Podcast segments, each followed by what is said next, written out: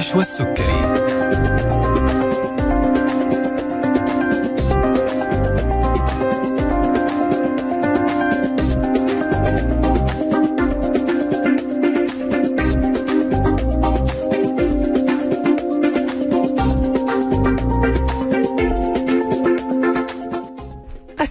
عليكم ورحمة الله تعالى وبركاته. تحية طيبة لكل من يتابعنا الآن سواء من الراديو من الجوال أو من موقعنا على الإنترنت. تحية لكل مستمعي ألف ألف FM الموجة السعودية. حياكم الله في برنامج طبابة معي أنا نشوى السكري اللي هكون معاكم إلى الساعة 2 بعد الظهر وعلى الهواء مباشرة وموضوع طبي جديد مع ضيف مميز من ضيوف طبابة.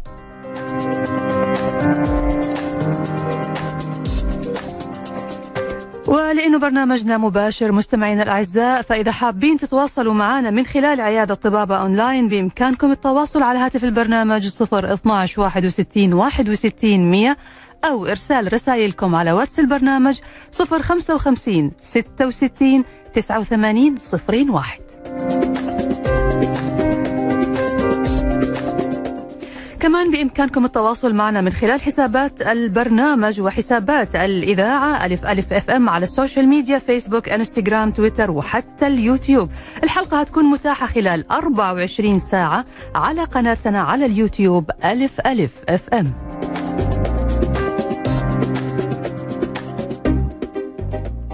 موضوع حلقتنا اليوم موضوع مهم. آه راح يهم ناس كثيرة من اللي بيستمعونا بيستمعوا لنا اليوم.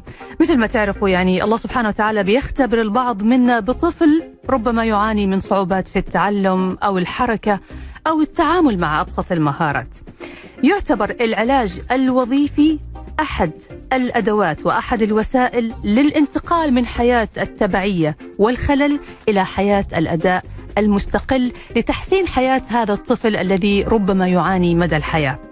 الأبوان عليهم مسؤولية كبيرة جدا في هذا الأمر تحديدا حينما يلاحظ وجود مشكلة أو خلل لدى الطفل وبالتالي يأخذ المبادرة ويتحرك فورا لاتخاذ إجراء لعلاج هذا الطفل أو للتعامل معه بالطريقة الصحيحة التي تحسن من حياته. موضوعنا اليوم مستمعينا الأعزاء هو عن العلاج الوظيفي وتدخلاته مع الأطفال.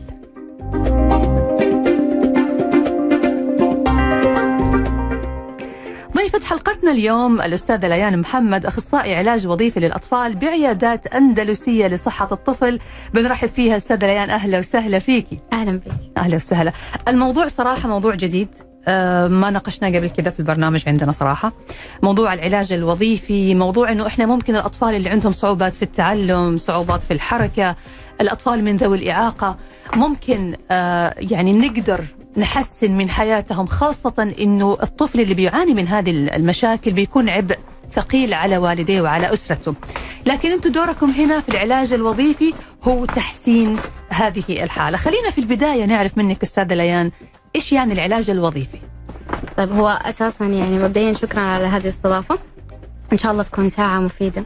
أي إن شاء الله بوجودك آه طبعا. العلاج الوظيفي هو تخصص طبي يندرج تحت كلية التأهيل الطبي. تمام. تمام.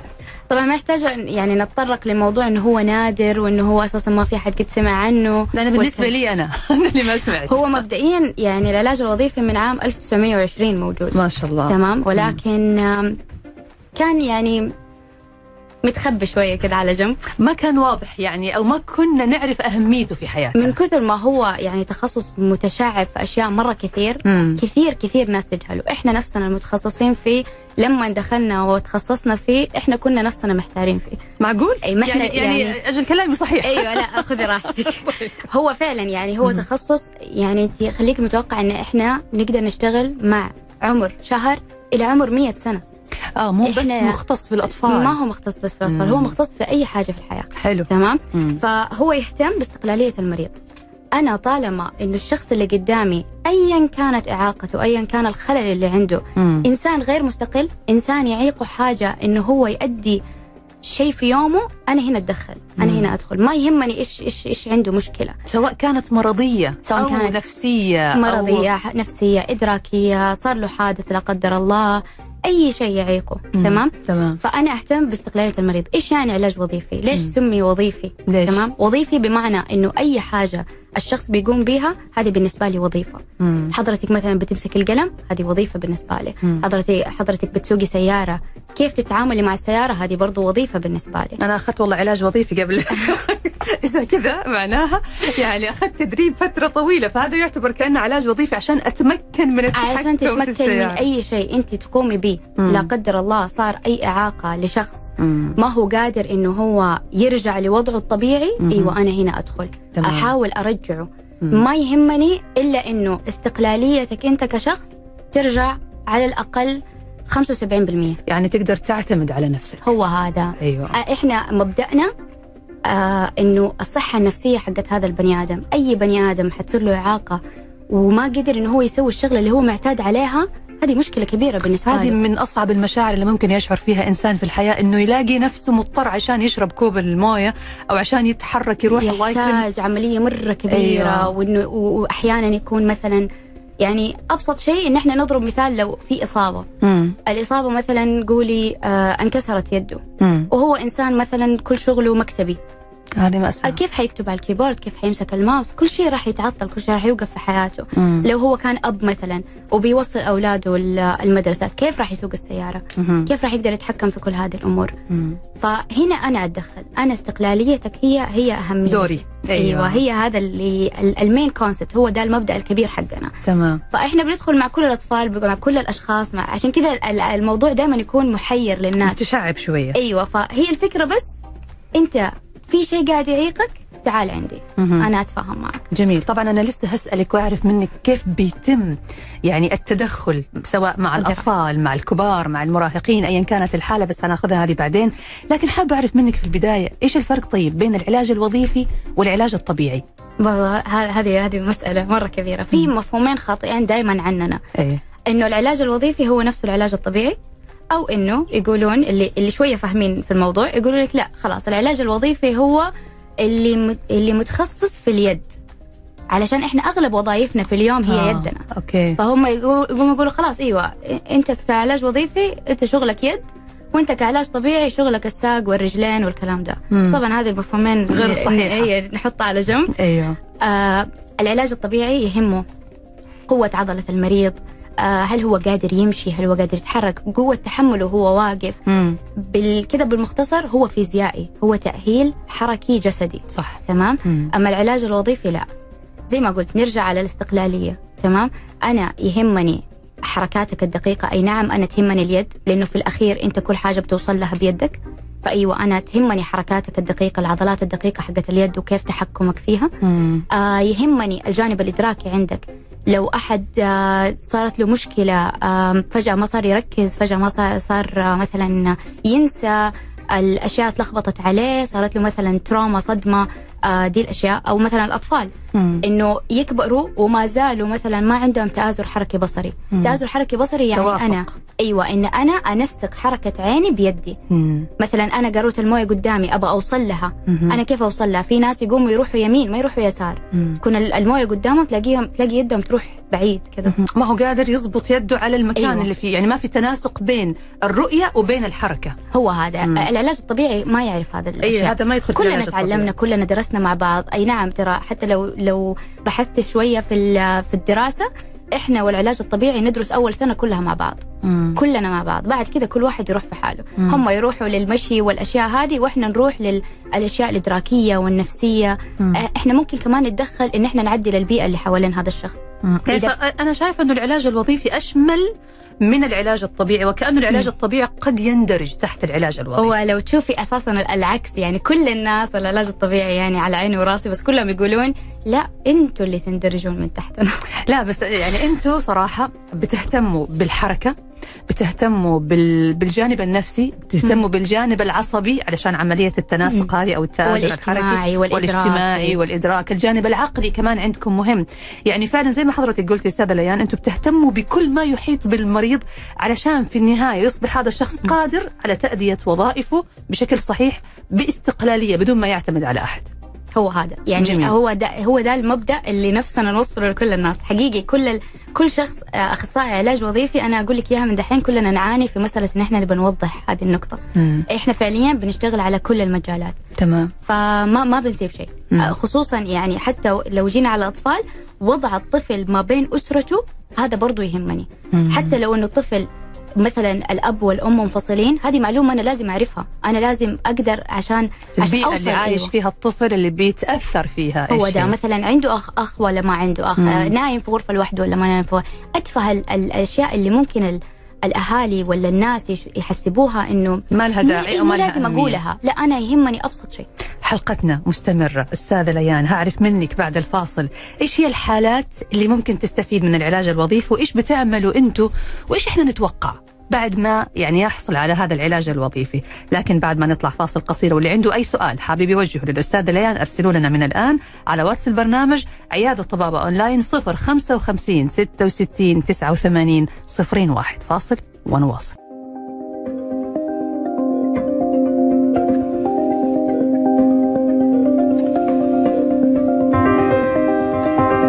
طبابة مع نشوى السكري.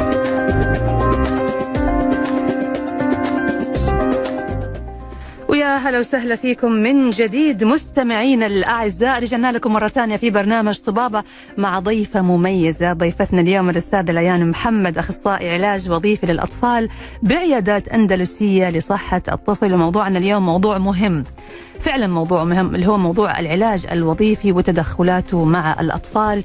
يهم كل أسرة عندها طفل بيعاني من مشاكل صعوبات في الحركة في التعلم صعوبات وظيفية معينة حتى مهارات التعلم. تعلم في المدرسة حتى هذه الأشياء العلاج الوظيفي. هنعرف طبعا من الأستاذة ليان ما أبغى أفتي من رأسي إذا ممكن هو يفيد فيها ولا لا. أرحب فيك مرة ثانية أستاذة ليان. أهلا وسهلا. وأرجع برضو كمان وأذكركم مستمعينا إنه اللي عنده أي استفسار للأستاذة ليان عن هذا الموضوع بإمكانكم التواصل معنا على واتس البرنامج 055 66 89 01 طيب أستاذة ليان إحنا عرفنا إيش هو العلاج الوظيفي وإيش بيسوي؟ الحالات اللي تستفيد من العلاج الوظيفي إيش هي؟ في الأطفال ولا في العموم ناخذها الأول في الأطفال وبعد كذا نبدأ نكبر في العمر شوي شوي. تمام. طيب في الأطفال عندي التوحد مم. آه فرط الحركة وتشتت الانتباه. يا سلام هذا يعني الله الله يجزاكم خير صراحة. آمين يا. آه اكتئاب الأطفال حتى لو في طفل عنده اكتئاب برضو. العلاج الوظيفي كمان يشتغل مع الاكتئاب؟ نفسيه حلو حلو. آه التأخر النمائي الشامل إيش يعني؟ يعني غالبا ينحصر في إنه الطفل لما بيجي يتولد بيجي له نقص أكسجين. مم. فنقص الاكسجين هذا بيأثر على وظائف الدماغ. تمام. فغالبا يشخص عليه إنه تأخر نمائي شامل. تمام. تمام؟ مم. آه الكسور. إذا أي طفل يتعرض للكسور برضه نتدخل معه. مم. في مشاكل اللي يعني خصوصا في الأطفال هذه تحصليها دائما في الأطفال إنه مشاكل بس ما أنت لقيت لها سبب. مم. طبيب الأعصاب ما هو قادر يشخص ما هو عارف الحالة. إيش مشكلته. أيوه. أحيانا أغلبها أساسا تكون إدراك يعني مثلا تلاقي طفل مو قادر يتذكر الألوان كل ما تعلميه مو قادر في حاجة واحدة معينة ما يقدر يسويها مم. آه مثلا مو قادر يرسم دائرة بشكل كامل في تلاقي كذا مشكلة مشكلتين اللي ما حد فاهم الطفل ده إيش عنده ما ما ما له تشخيص. كذا بحر بس اللهم إنه برضو يعني طالما نرجع نعيد ونقول طالما إنه هذا الشخص غير مستقل مم. ما هو قادر ينجز حاجة في حياته فأنا أتدخل. فيعني حتى الدائرة أنا بالنسبة لي لما كنت أدرس كنت احسب انه الدائرة شيء تافه. يعني إيش يعني الطفل ما يعرف يرسم دائرة؟ خلاص مو لازم يرسم دائرة. ما ما انتهت الحياة عند الدائرة يعني. أيه. لكن في الأخير لما درست وكملت لا فعلا الدائرة مهمة. الدائرة مهمة إن أنا لما أجي أشوف الدائرة كاملة عيني تشوف الرؤية كاملة. هذا رقم واحد. مم. رقم اثنين لما أنا أجي أرسمها كاملة ده معناه إن أنا عندي تآزر حركي بصري. هي مؤشر أو indicator مثل ما يقولوا معيار أيوه. تقدري تقيسي فيه أشياء ثانية. أيوه وبعدها حتضر كمان كيف حيكتب الحروف مم. عندنا حرف الواو والفاء يعني عندنا أكثر من حرف لازم. لازم تترسم دائرة فيه صح في حروف إنجليزية برضو فيها دائرة مم. فهذا حيعيق كمان وضعه في المدرسة مم. ففي زي دي المشاكل اللي هي تتعلق بالإدراك اللي برضو ما لها تشخيص معين مم. برضو نتدخل فيها مم. ما ما ما نوقف عند شيء ماشيين في أي حاجة عندي عندي سؤال هنا يعني حاجة مهمة كذا قلتيها قلتي أحيانا الأطفال اللي عندهم مشاكل وما هو معروف سببها إذا حتى طبيب الأعصاب ما عنده شيء عضوي واضح عند الطفل هذا مم. أنتوا تتدخلوا طب أنتوا كيف تعرفوا أو تحطوا يدكم على مكمن الخلل اللي عند الطفل هذا في زي الإنديكيتورز في زي آه. الأعراض اللي تشوفيها يعني مثلا آم، أي نعم مثلا الطفل هذا اللي عنده مثلا مشكلة انه هو ما يقدر يرسم دائرة مم. آه، طبيب العيون شخصوه العين سليمة مم. ال- العصب البصري سليم مم. ما في له أي مشكلة آه لما بتيجي تسأليه عن أي حاجة بحياته بيفتكرها ما عنده أي إشكالية. النطق عنده سليم. كل شيء عنده سليم. الخلل الوحيد اللي تلاقيه إنه والله ال- صارت مشكلة في الحمل. والله كان كان الجنين ممكن إنه هو يعني حيصير له إجهاض. أيوة. والله كان في في شيء كده إلا ولا تحصليه يعني بحث عميق أيوه أحيانا. الأهالي أساسا ما يدركون ما يعني. ينتبهوا إنه هذه شغلة مهمة أو حاجة ممكن يكون لها تأثير أيوه عليه أو مثلا ولادة قيصرية عن ولادة طبيعية طب كيف كان نقص الأكسجين كيف كان المدري إيش طب ال ال ال النمو الطبيعي للطفل كيف كان مم. إحنا عندنا يعني من عمر. من عمر شهر أو من عمر يوم إلى عمر سنتين في تطور نمائي ثابت. مم. يختلف يزيد وينقص. تمام. مثلا طفل والله حي... حيمشي في... في عمر السنة. في أطفال لا والله يمشوا في عمر اللي أقل من سنة. ما بس المهم إنه في دي الفترة في دي. المرحلة. تمام. إذا في واحد منهم ما صار لا معناه إنه يعتبر إنه هذا الطفل عنده عنده مشكلة. فمثلا زي عندنا في العلاج الوظيفي والله مسكه القلم. أنت عندك في عمر الفلاني أنت لازم تمسك القلم بالطريقة الفلانية. طب ليش أنت لين هذا العمر ما مسكت؟ مم. فنرجع إحنا ن... يعني إحنا لما نيجي أساسا نسوي تقييم مع الأهالي إحنا نرجع للولادة للحمل. كيف كان حملك؟ كيف كان وضعك؟ هل أنت مصابة بحاجة؟ هل أنت عندك سك... سكر؟ عندك ضغط؟ هل جاتك صدمة وأنت حامل؟ آه في أحد مثلا فقد لك عزيز؟ لأنه الجنين بياخذ كل هذه المشاعر. مم. وفي النهاية الدماغ آه أساسا بي... بيتطور في مرحلة الرحم. مم. فأي حاجة كانت فيكي أنت كأم الطفل هتنعك- هتنعكس عليه. الطفل اخذها أخذها من غير نقاش الله. عشان كذا هذه المرحلة تعتبر مرة مهمة المرحلة عشان كذا دائما. يقولوا حافظوا على نفسية الحامل صح. الحامل لا يصير لها شيء. سمعتوا إيش قالت الأستاذة ليان؟ يا جماعة أرجوكم ركزوا. تقول حافظوا على نفسية الحامل. ترى الحامل أي شيء تتعرض له على طول راح ينعكس على الطفل اللي جاي. انتبهوا. ترى إحنا قلنا لكم خلاص. طيب آه الحالات اللي مستهدفه أكثر من الأطفال اللي هو. آه يعني بعد سن الطفولة أو سن المراهقة. عندنا الأشياء اللي تعتبر عصبية يعني التصلب اللويحي آه زي ما قلت لك ال- السكتة الدماغية السكتة القلبية مم. آه في كمان حالات اللي أنا نفسي أنا نفسي كعلاج وظيفي ما كنت أعرف إن إحنا نقدر نشتغل معاها واكتشفت إن إحنا نقدر نشتغل معاها اكتشفتي كمان اكتشفت. اكتشفت يعني في سنه الامتياز يعني أيوه لما انه كنت إنه هذه أ- تدخل في تخصصنا أيوه يعني إنه إحنا كنا نسمع بس مم. ما كنت أعرف إن أنا من جد فعلا أقدر أشتغل مم. لأنه النظري غير العملي أكيد طبعا فلما كنت في سنة الامتياز فعلا أنا شفت إن أنا أقدر إن أنا أشتغل مع أشخاص آه، أستأصلوا أورام من الدماغ أو أستأصلوا أورام من من القولون أو whatever. أنا اشتغلت معاهم إن أنا ساعدتهم على برضو أداء الوظائف اليومية إنهم يروحوا. الحمام الله يكرمك مم. بنفسهم كل حاجة يحاولوا إنهم هم نديهم أشياء تعويضية آه لحركتهم. مم. آه نعلمهم مثلا آه إنه مثلا لا طب لا لا تنام على الجهة الفلانية نام في دي الجهة أفضل. يعني زي زي التعليم للمريض قبل ما يخرج من المستشفى. مم. وكمان إنه آه، أي أي شخص بيشيل أو آه، ورم من الدماغ بتتأثر بيتأثر الجانب الإدراكي عنده صحيح. فبرضو أشتغلت معاهم في ذا الشيء إنه إدراكهم. أحيانا برضو يشوفوا ان العلاج الوظيفي بيعطي ألعاب. أوكي بس يعني ما يقولوش أنتوا قاعدين تلعبوا مو قاعدين هو فعلا يعني أنا عشان أشتغل مع الإدراك مع مع المريضة اللي أنا اشتغلت معاها جبت أونو. أوه. جبنا اونو ويلا نلعب بالاونو ويلا ليه لأنه الاونو اللون باللون. صح. فانت قادرة إنك أنت تطلعي اللون الفلاني وتحطيه مع تحطيه فوقه ولا لا.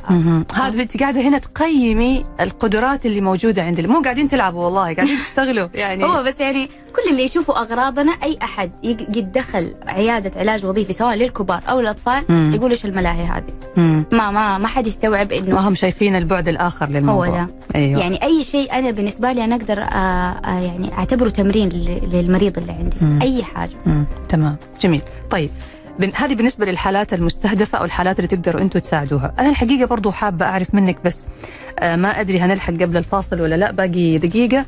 آه نطلع فاصل أسأل المخرج عشان. طيب خلينا نطلع فاصل عشان صراحة ما أبغى أسألك السؤال هذا ونقطع ونطلع الفاصل في النص. آه هنعرف بعد الفاصل آه كيف بتتم الخطة العلاجية؟ كيف بتتدخلوا؟ يعني أنت بتقولي الآن إحنا أكثر شغلنا ألعاب. لكن هو طبعا هذا جزء من شغلكم اللي هو تقييم قدرات الشخص إيش عنده كيف قدراته كيف بيقدر هو يتعامل مع الألوان أو مع الأشكال المختلفة. أبغى أعرف كيف بتحطوا الخطة العلاجية؟ إيش المتوقع بعد الخطة العلاجية؟ كيف نقدر نقيس التحسن عند الشخص. هذه الأسئلة وغيرها راح نسألها بعد الفاصل ولا زلنا نستقبل أسئلتكم على واتس البرنامج. مستمعينا الأعزاء 055 66 89 01 مع الأستاذة ليان محمد أخصائية العلاج الوظيفي للأطفال بعيادات أندلسية لصحة الطفل. فاصل وراجعين.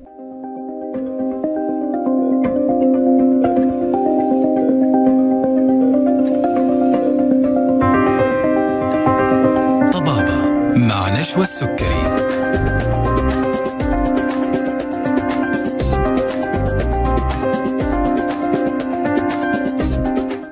رجعنا لكم مرة ثانية مستمعين الأعزاء في برنامجكم طبابة على ألف ألف أف أم ومع ضيفتنا اليوم الأستاذة ليان محمد أخصائية العلاج الوظيفي للأطفال بعيادات أندلسية لصحة الطفل وموضوعنا اليوم عن العلاج الوظيفي وتدخلاته مع الأطفال.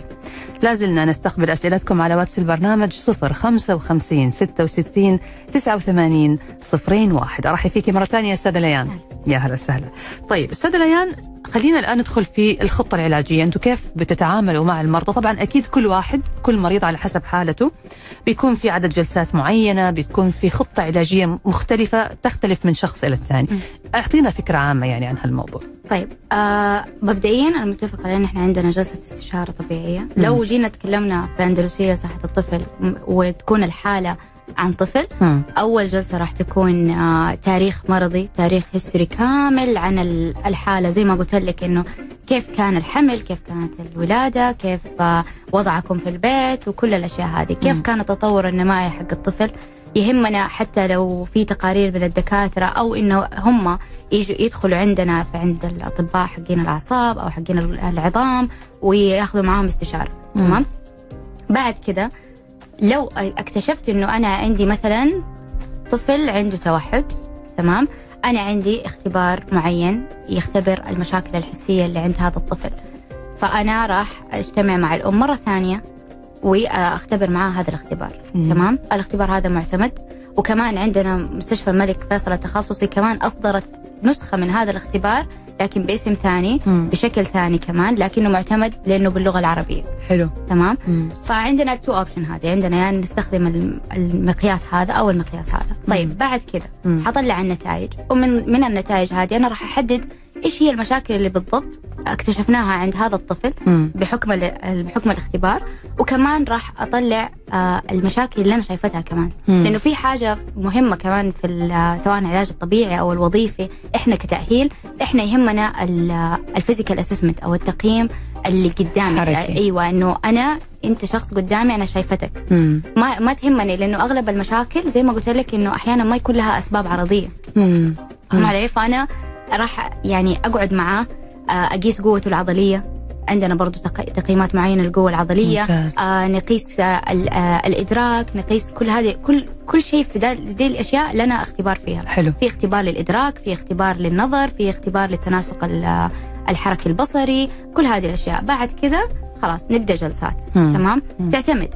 في أحيانا مشاكل اللي فعليا راح تستمر. يعني في أمراض أو أو إعاقات أو ما يعني أنا احب ما أحب أسميها لا أمراض ولا اعاقات احب أسميها مشاكل مم. المهم المشكلة هذه مثلا ملازمة لهذا الشخص لمدى الحياة مم. أكيد أنا ما حأجي أقول له يعني أنت حتقعد معايا لمدى الحياة ولكن في شيء زي زي الفولو اب كده إحنا. حنشتغل يعني رصة كده جلسات بنقعد مع بعض فيها 20 40 جلسة آه، ايا كان وعلى حسب يعني في ناس أنا ممكن أكتفي إن أنا أقابلهم مرتين في الأسبوع في ناس لا أنا أضطر إن أنا أقابلهم خمسة مرات في الأسبوع بعد. كده خلاص لما أوصل أنا للتحسن المطلوب وقتها أنا ممكن أدي مثلا خطة منزلية للأهالي. ويصير آه يتابعوا معايا بعد ما مثلا بعد فترة شهر شهرين يرجعوا لي يقولوا لي لا والله خلاص الوضع تمام مع الطفل وإنه أغلب التحسن ما زال قائم. وأتحسن شوية. حلو. وخلاص كده أنا أنا أنا أخذهم as follow up يعني. تمام. أما إذا كانوا يعني الحالة لأ جلسه مطولة معانا خصوصا خصوصا في المشاكل العصبية. العصبية دائما تطول. لكن لو افترضنا إنه جاني طفل عنده كسر. مم. الموضوع بسيط جدا خصوصا لو عنده كسر. ليه؟ لأنه خلاص أنا راح أسوي التقييم الدكتور راح يسوي الأشعة حنكتشف فين المشكلة. حنسوي التمارين اللازمة. حنحاول إن إحنا نرجع اداؤه لل- للوظائف اليومية. وهذا هو الدليل إنه إنه هذا الطفل عندي تحسن تمام. خلاص هو تحسن عندي فخلاص. ويرجع يسوي اشعه مرة ثانية يلاقي إنه الكسر التئم وخلاص كذا يقدر هو يمشي من عندنا تمام. ممتاز. طيب آه، عدد الجلسات حضرتك قلتي يعني مو بالضرورة إنه يكون ثابت هو على حسب تطور الحالة. ولازم حتى لو الطفل أو الشخص تحسن لازم يكون في متابعة. ممتاز. طيب الحين أنا بالنسبة للأطفال التوحد يعني يمكن هم من أكثر ال- الفئات اللي يحتاجوا رعاية خاصة جدا. وللأسف الشديد كمان آه، مو كل الأسر بتكون مدركة لطريقة التعامل. ما يعرف صح إنه صراحة ما شاء الله أنا أشوف ناس كثير يتابعوا ويقرأوا ويبحثوا ويستشيروا ويروحوا لكن آه، التوحد كل طفل عنده عالم خاص فيه. فأنتوا كيف بتساعدوا طفل التوحد أو مريض التوحد؟ طيب تدخل العلاج الوظيفي مع التوحد في مبدأ كده كبير وأساسي تمام؟ إنه أغلب أطفال التوحد عندهم حاجة اسمها مشاكل حسية. مم. عندهم خلل في التكامل الحسي. نعم. إيش يعني؟ التكامل الحسي هو تنظيم الأحاسيس اللي جاتني من الجسم أو من المحيط اللي حواليا إلى الدماغ. طيب أنا لو أنت يا دكتورة نشوى مسكتي يدي مسكة معينة تمام أنا راح أقول آه أوكي حلتفت لك وأقول لك أهلا يعني أنت مسكتيني تمام نعم لو جيتي مسكتيني بقوة أنا راح أطالع فيكي اللي ليه مسكتيني إيش؟ فيك. تمام هم لا المشاكل الحسية دي لو جينا على اللمس أنت لو لمستي الطفل وهو عنده خلل في التكامل الحسي ال- الطريق اللي يمشي فيه ال- الخلايا العصبية عشان تروح لين الدماغ لما توصل عند الدماغ تقطع الارسال هو ما هو فاهم أنت لمستيه آه وما هو ما فاهم. عارف أنت أنت لمستيني. طب اللمس هذا إيش معناه طب انت إيش تبغي مني؟ كذا يعني هو ما هو داري. أيوة. وأحيانا يحسب انك انت ممكن قاعد تضريه. تبي تأذيه بهذا الشكل. ممكن لمسة بسيطة عنده تلاقيه يتقرف ويبعد عنك وكأنك إيه، انت سويت هذه فيه أكثر الهواير صحيح هذه أكثر صفة فعلا عند اللي عندهم توحد. آه لمس الآخرين. ما يقدر يلمس أحد ما يقدر أحد حتى يضم ويخاف آه، التعامل معهم هو. ترى انت حتلاقي نوعين في نوع اللي أنا أبغى أنحضن وأبغى أنشال وأبغى تلمسوني ولا. تسيبوني. وفي نوع اللي لا ما يب- لا حد يقربني. فهي كلها يعني تندرج على إنه الطفل هذا عنده خلل في التكامل الحسي. تمام. طيب الحين إحنا كلنا لما اتولدنا وجينا على هذه الدنيا ما تعلمنا إلا عن طريق الحواس. صح. تمام؟ عندنا خمسة حواس وعندنا حاستين كمان زيادة. مم. تمام؟ الخمسة حواس اللي إحنا نعرفها اللمس البصر ال- ال- الشم التذوق. تمام؟ مم. ليش في اثنين زيادة؟ اثنين زيادة اللي هي أنا أعرفهم خمسة. طول عمري. اللي هي الإحساس الإحساس بالحركة. أيوه. انت حاسة. انت لو غمضتي عينك انت عارفة انت فين. مم. انت عارفة أنك انت جالسة. الإدراك يعني. أيوه الإدراك الجسدي. الإدراك أيوة. تمام. مم. والحاسة الأخيرة اللي هي التوازن. انت لو وقفتي في سيارة لو جلستي في سيارة والسيارة قاعدة ت- تطلع مثلا من منحدر آه، تطلع جبل مم. أو تنزل من منحدر كذا انت إيه، صحيح. جسمك حاسة. لا اراديا جسمك بيشد وبيرجع يرتخي لما بتطلعي أوكي. طلعة أوكي. تمام؟ هم برضو هذه الحواس يكون فيها خلل. طبعا مم. أول ما الطفل بيتولد الحاستين الأساسية اللي شغالة هي إحساس التوازن مم. وإحساس الإدراك الجسدي واللمس مم. هذه الثلاثة الأشياء اللي شغالة من يوم ما هو جاء على الدنيا دي بالفطرة أيوه بعد كذا تزيد بعد كذا لما يدخل عمر شهرين ثلاثة تزيد حاسة تتطور. السمع تزيد حاسة البصر كلها تبدأ إيش مم. تتطور عنده مم. طبعا في العمر هذا هو ما حيقدر يفهم يعني هو هو جنين لما أنت تلمسيه يعني أو هو هو طفل لما تيجي تلمسيه هو ما يفهم إن أنت لمستيه. بس بتلاقيه بيعطيك ردة فعل. صح. ايا كانت ردة الفعل مم. كل الأطفال لو جيت لمستي خدهم اليمين بتلاقي راسهم بيلف على اليمين صحيح ال- اللي هم مرة بيبي يعني. اللي هو الطبيعي أيوه مم. ده معناه ردة الفعل الانعكاسية إنه سبحان الله هو بيسوي كذا قاعد؟ يدور مم. مين اللي لمسه أو من فين جت هذه اللمسة أو إيش قاعد؟ يدور عشان يبغى يبغى يرضع آه. لو أنت لمستي كذا أيوه فيعني في أشياء سبحان الله انها هي تعتبر ردة فعل انعكاسية حتجلس انعكاسية وردة فعل لا إرادية عنده إلى ما مع الوقت لما كل مرة إحنا بنلبس وكل مرة إحنا بنعرضه لهذه الأحاسيس يبدأ يستوعب. تمام. طيب الخلل اللي عند التوحد إيش بيصير؟ إيه. إنه أنت بتلمسيه ما بيسوي استجابة. ما في ردة فعل. ما هو قادر ما هو فاهمك. مم. تمام؟ وكل مرة أحيانا الأهالي يقولوا لو- خصوصا لو كان الطفل وحيد لو كان هو أول تجربة للأم والأب أم ما عندهم الخبرة الكافية أو أنهم يعني يخافوا على الطفل يخافوا طبيعي طبيعي مم. جدا إنهم يخافوا بس الخوف يكون زايد مم. اللي لا شيلوه لا لا تسووا له لا لا تفعلوا له لا لا تعلموه مم. يمشي يحبي لا شيلوه من الأرض عشان لا يتعور لا سيبوه سيبوه عشان سيبوه يواجه الحياة ويتعلم هو سيبوه لأنه كل مرة راح يعني مثلا ينصقع في حاجة أو يشوف جدار ويوقف فيه ويحاول. إنه يخش فيه يقوم يستوعب إنه هذا جدار فهذا كله أحاسيس حتبدأ تتنمى عند هذا الطفل مم. مع الوقت يبدأ يستوعب إيش هذا صح صح فهذا هو شغل لما يجي طفل عنده تكا... عنده خلل في التكامل الحسي أنا بحطه في ال...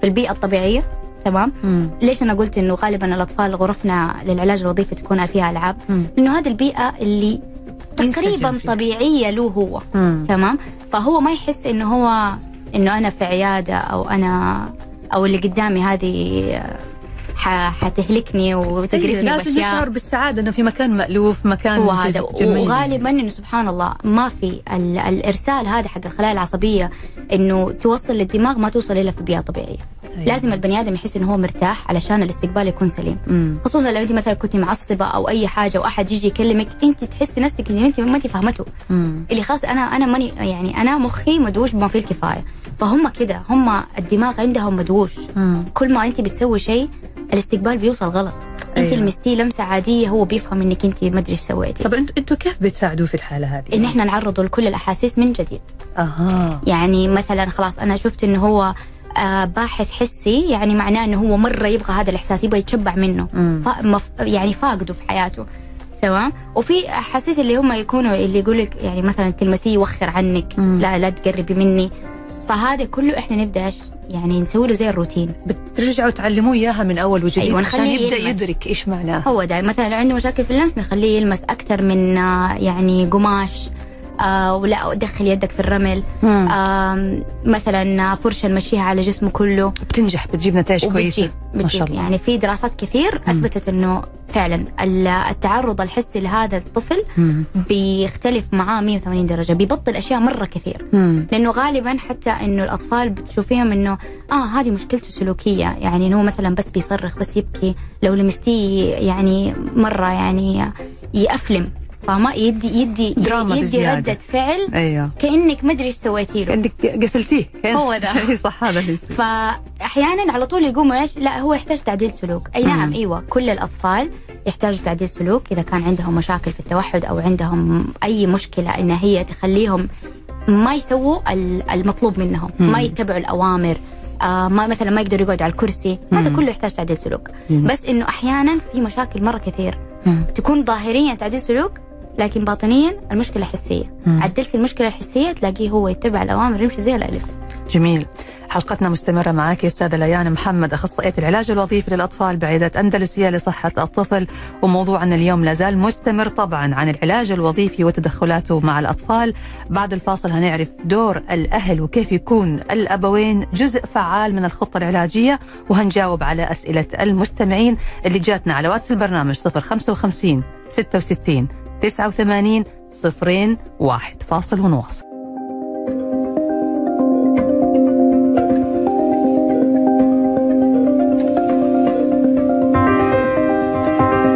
طبابة مع نشوى السكري.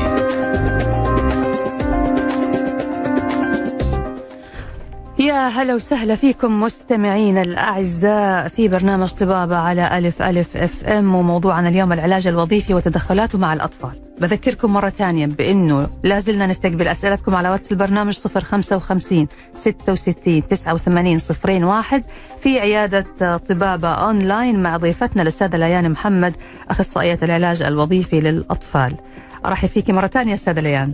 أهلا وسهلا. طيب إحنا الآن في الجزء الأخير من الحلقة هناخذ أسئلة المستمعين. بس قبل ما ناخذ أسئلة المستمعين في يعني سؤال مهم جدا وهو دور الأبوين. أنا عارفة إنه دائما ال- العلاجات اللي من هذا النوع اللي بتعتمد على البيئة اللي بيعيش فيها الطفل وكذا مهم جدا إنه تكون الأسرة لها دور عشان العلاج يجيب نتيجة. فكلمينا عن هذا الجانب.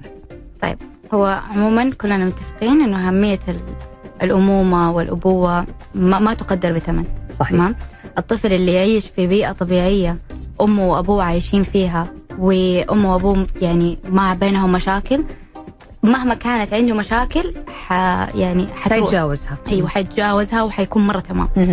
طيب لو جينا تكلمنا في المشاكل هذه والجلسات هذه وال- والعلاج حقنا أي طفل بيجينا جدا مهم إنه الطفل ال- الأب والأم يكونوا ملتزمين معانا في الجلسات. تمام. مبدئيا ملتزمين معنا في الجلسات ملتزمين معانا في الروتين اليوم اللي حيسووه لل- للطفل. مم. إحنا حنقول لهم والله سووا واحد اثنين ثلاثة أربعة. لازم يسووا واحد اثنين ثلاثة أربعة. مم. ما في تحسن راح يجي إلا لو الأم أو الأب أيا كان الكير جيفر أو الشخص اللي هو المسؤول عن عن صحة هذا الطفل لازم إنه يسوي هذه الأشياء. لأنه كذا بالمختصر الطفل لا يلقن يعني تلقين صحيح إلا من أمه مم. بس يعني من جد لا يلقن إلا بأمه مهما إحنا سوينا كأخصائيات شقينا وتعبنا وسوينا وفعلنا لو الأم أو الأب ما كانوا موجودين في البروسيس هذه ما. كانوا موجودين في ما هذه كان لهم العملية دور واضح أو مهم يعني ما راح. أيوه راح حي يعني الطفل. هذا مو بس حيضيع شغلنا الطفل راح يكون غير سعيد مم. الصحة النفسية حقت الطفل هذه رقم آه، واحد هي الأساس أيوه أساسا ما. حتكون ما حتكون كويسة حيبان على الطفل مم. حيبان على الطفل إنه هو يعني في أطفال مهما كان أوكي إحنا شفنا توحد مرة كثير بس الأطفال دائما اللي عندهم مشاكل في الأب والأم والعيلة والقروشة دي كلها مم. من من الباب كذا يبان إنه هو فاقد الشغف فاهمة يعني هو آه. طفل وأنت يعني أنت؟ لك نظرة الآن تقدر لما تشوفي الأسرة تقدر تعرف إن في مشكلة هو. أيوه يبان صراحة مم. يعني ف أو يبان كمان لما أنا مثلا أقول للطفل لو أقول للأهل والله سووا واحد اثنين ثلاثة أربعة بيجيني الطفل كأنه ما كأنه ما صار لأنه هو لو صار ما كان حيكون الطفل كذا قدامي هتلاقي في نتيجة في أثر عليه لكن لما. تلاقيه جايز ما فرق معاه أي شيء معناه إنه ما ما. تم اللي قلته والطفل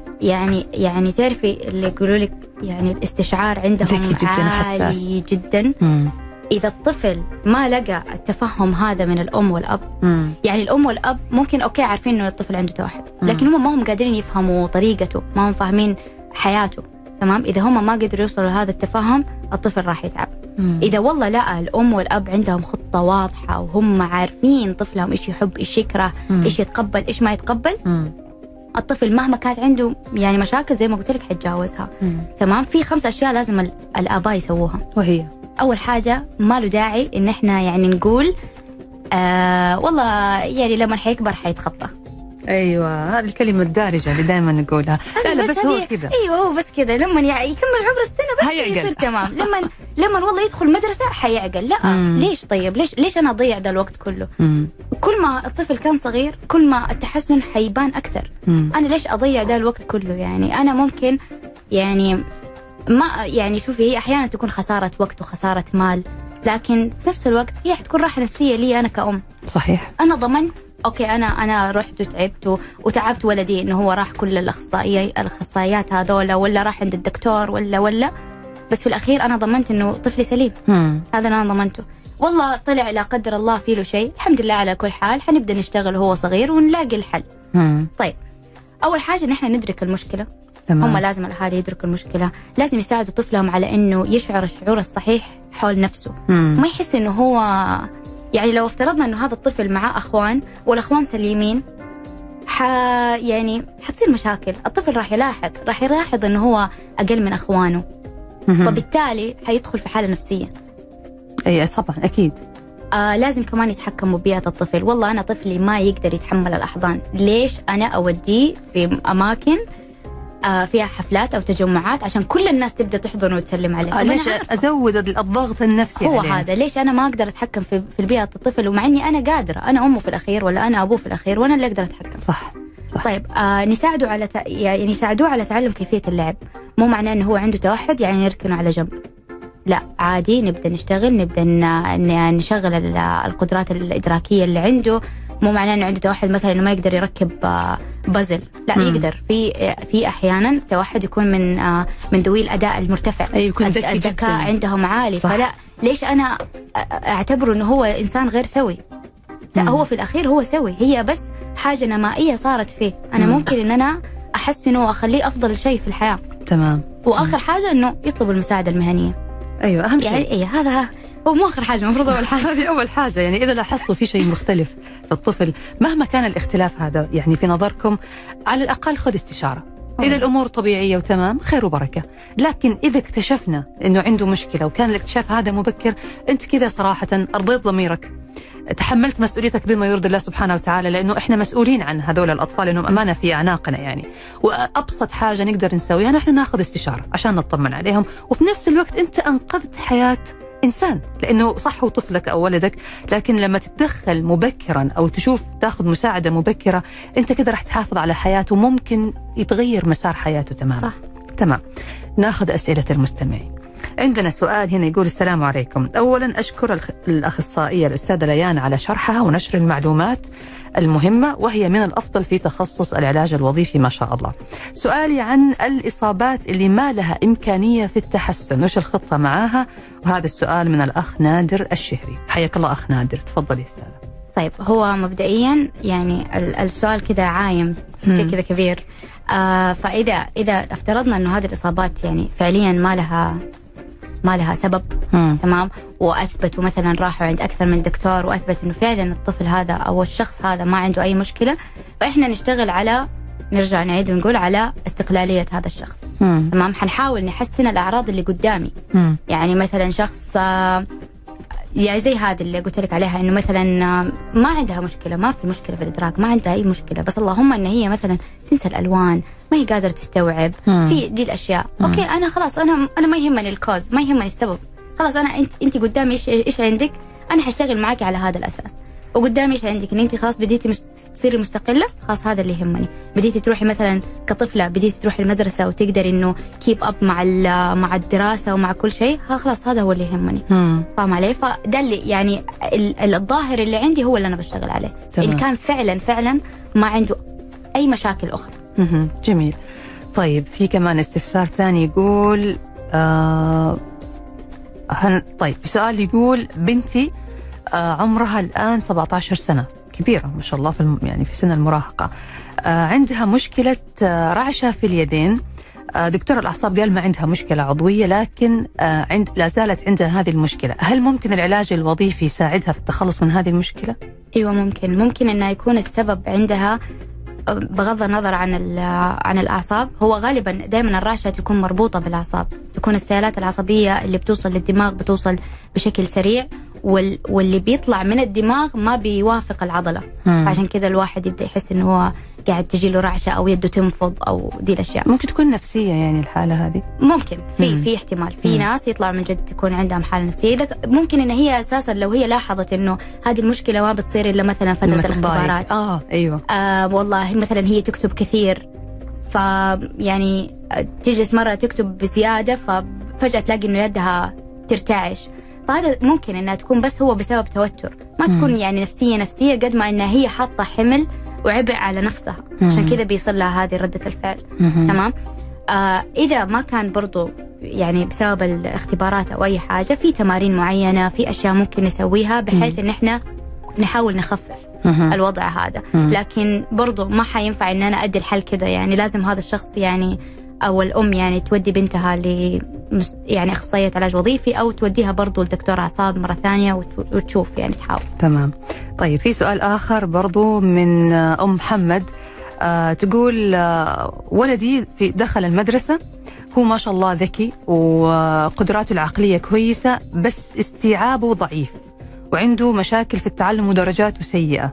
والمعلمة آه تشتكي منه معلم أو المعلم ما أدري. فهي تقول كيف ممكن نساعده؟ هل ممكن العلاج الوظيفي يساعد في أنه يحسن من قدراته؟ لو هي مشكلته فقط أكاديمية مم. يعني درجات ودراسة وكذا فلا يعني أنا أشوف إنه أخصائي صعوبات التعلم هو اللي راح يساعدها أكثر. صعوبات تعلم أيوه في برضه في أندلسية في صعوبات تعلم يعني, يعني كمان في تخصص يعني هو هو هذا الحلو في أندلسية الصراحة يعني إنه حرفيا هو علاء يعني مكان شمولي متكامل. الطفل يدخل عندنا بإذن الله ما هو خارج إلا هو إيش؟ مكتفي خلاص هو سليم يعني إذا أنا مثلا دخل عندي ولاحظت إنه عنده مشكلة سلوكية بكلم أخصائية السلوك بتقابله مم. والله هي السلوك حل حست إنه عنده شيء بتوديه عند صعوبات التعلم مم. آه زي كذا فاهمة؟ تمام ممتاز طيب في كمان آه سؤال بس هو سؤال غريب شوي بس هو استفسار يقول استفسار الأستاذة ليان مين تشوفي أفضل أخصائي علاج وظيفي لا لا لا لا لا لا, كذا كذا غلط. لا غلط. خليني أسألك السؤال بطريقة ثانية. إحنا ما نقصد أسماء أشخاص. لكن من هو المتخصص الأفضل اللي أنا المفروض لما أروح ألجأ له أروح أقول إيوه هذا أفضل من غيره؟ أو أبحث عن الشخص اللي يعالج حالة مثلا طفلي. يعني تعرف إحنا أكثر مشكلة بتواجهنا. لو حتى ضرس أو وجعنا دائما نبحث عن الطبيب المتميز في المجال. عشان أعرف الطبيب هذا متميز في مجاله ولا لا لازم يكون عندي معايير معينة.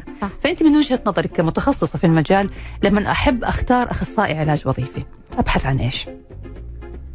والله شوفي أنا بالنسبة لي يعني بالنسبة لي أنا كليان يعني مهم. في ناس ما يتفقوا معايا في هذه النقطة. أيوه. لكن آه، يعني خصوصا في تخصصنا لازم الشخص يعطي أكثر من اللي هو يقدر عليه بتكه كمان زيادة. أيوه. ليه لازم لازم أنا قبل ما أنا أتعامل مع هذا الشخص أو المريض اللي عندي أو ال- الطفل أو وات أنا لازم عندي رغبة داخلية إن أنا أساعده. فاهمة. اللي متحكم فينا كلنا كأخصائيين علاج وظيفي إن إحنا نكون آه متعاطفين معاهم. مو صح. متعاطفين لدرجة إن أوف نبكي وننهار بعد بعد ما إحنا نخرج. أيوه. بس إنه أنا أنا حاسة فيك. تتحملي. هو هذا. ويكون عندك قدرة على صبر. ولأنه فعلا أنا حاسة إنه الجانب أو تخصصكم يعتمد يعني على الجانب هو الانساني هذا. أكثر. أغلب الناس يقولوا لا والله ما نبي نروح للعلاج الاخصائي هذا نبي نروح للأخصائي هذا ليه؟ لأنه هذا ارتحنا يسمعهم. معاه أكثر يسمعهم أيوة. يكلمهم يحاول يخفف عليهم لا طب لا سووا كذا طب ما نفع طب يلا نفكر ثاني. يعني هذا هذا بالنسبة لي شيء مرة مهم جميل. اذا الشخص قدامي أنا أنا لو احتجت علاج وظيفي في يوم مم. أو علاج طبيعي خصوصا علاج وظيفي طبيعي تنفسي مم. إحنا الثلاثه كلنا كذا. لو لو أنا رحت لهم لا قدر الله واحتجتهم في شيء. إذا هم ما حسيت إنهم هم يبغوا يعطوني مم. أنا راح أمشي معهم أكيد أكيد أنا بشكرك جزيل الشكر للأستاذة ليان محمد اخصائية العلاج الوظيفي للأطفال بعيادات أندلسية لصحة الطفل أشكرك جزيل الشكر لوجودك معنا أستاذة ليان العفو الله يسلمك. الشكر موصول لكم أنتم أيضا مستمعينا الأعزاء نلقاكم على خير في الأسبوع المقبل. انتظرونا يوميا من الأحد إلى الخميس من الساعة واحدة إلى الساعة 2 بعد الظهر في برنامج طبابة. معي أنا نشوى السكري. تقبلوا تحياتي وتحيات مخرج هذه الحلقة رائد باراجي في حفظ الله ورعايته.